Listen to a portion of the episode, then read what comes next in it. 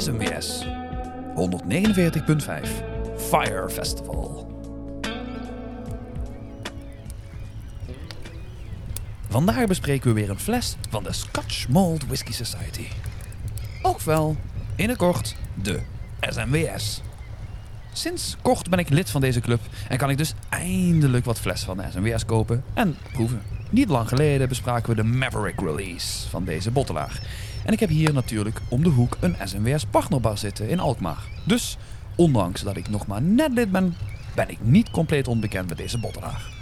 Vandaag checken we een van de nieuwe releases vanwege hun 40-jarig bestaan.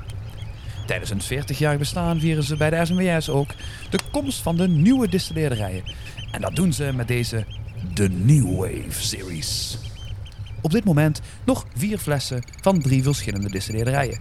En natuurlijk compleet met hun eigen code, zoals het bij de SMWS gaat. Hier dagen ze je dan ook mee uit om te kopen op smaakprofiel en niet op de naam van de distilleerderij. Ik koos tijdens de New Wave release voor fles 149.5 vanwege de naam. Proefnotities en het soort vat waar hij op had gelegen. Welke distilleerderij er in de fles zit, staat dus nooit op het etiket of op de website.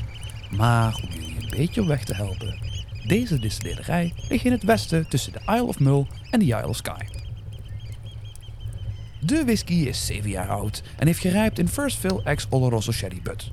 Het heeft een ABV van 61,7 en is natuurlijk niet bijgekleurd of koud gefiltreerd. Uit het vat kwamen 564 flessen. Op de neus een hint van turf, heide, rook, hooibalen, vuurstenen, kerosine, zwarte peper en olie. Ook herfstbladeren, warme kastanjes, tropisch fruit als mango en een lichte zeebries. Het palet heeft mooie zoete sherrytonen, grenadinesiroop, perzikyoghurt, mango, noten, rook, gerookte vis, gebrande koffiebonen en peper. De afdronk is lang en verwarmend.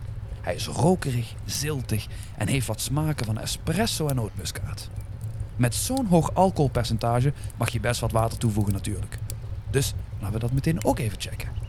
Met water geeft deze whisky veel meer rook, olie, zilt en heide op de neus. En het palet geeft veel meer fruittonen en noten. De afdronk wordt milder en korter. Eigenlijk is deze whisky heel goed te genieten op zijn eigen sterk van 61,7%. Verrassend genoeg. Ik moet zeggen dat ik vanaf het begin al groot fan ben van deze distilleerderij. Ik heb altijd al de potentie voor deze whisky geproefd. Maar dit is de beste whisky die ik tot op heden heb gehad van deze distilleerderij. Wat een geweldige whisky. Bedankt voor het lezen of luisteren. Cheers. Robert.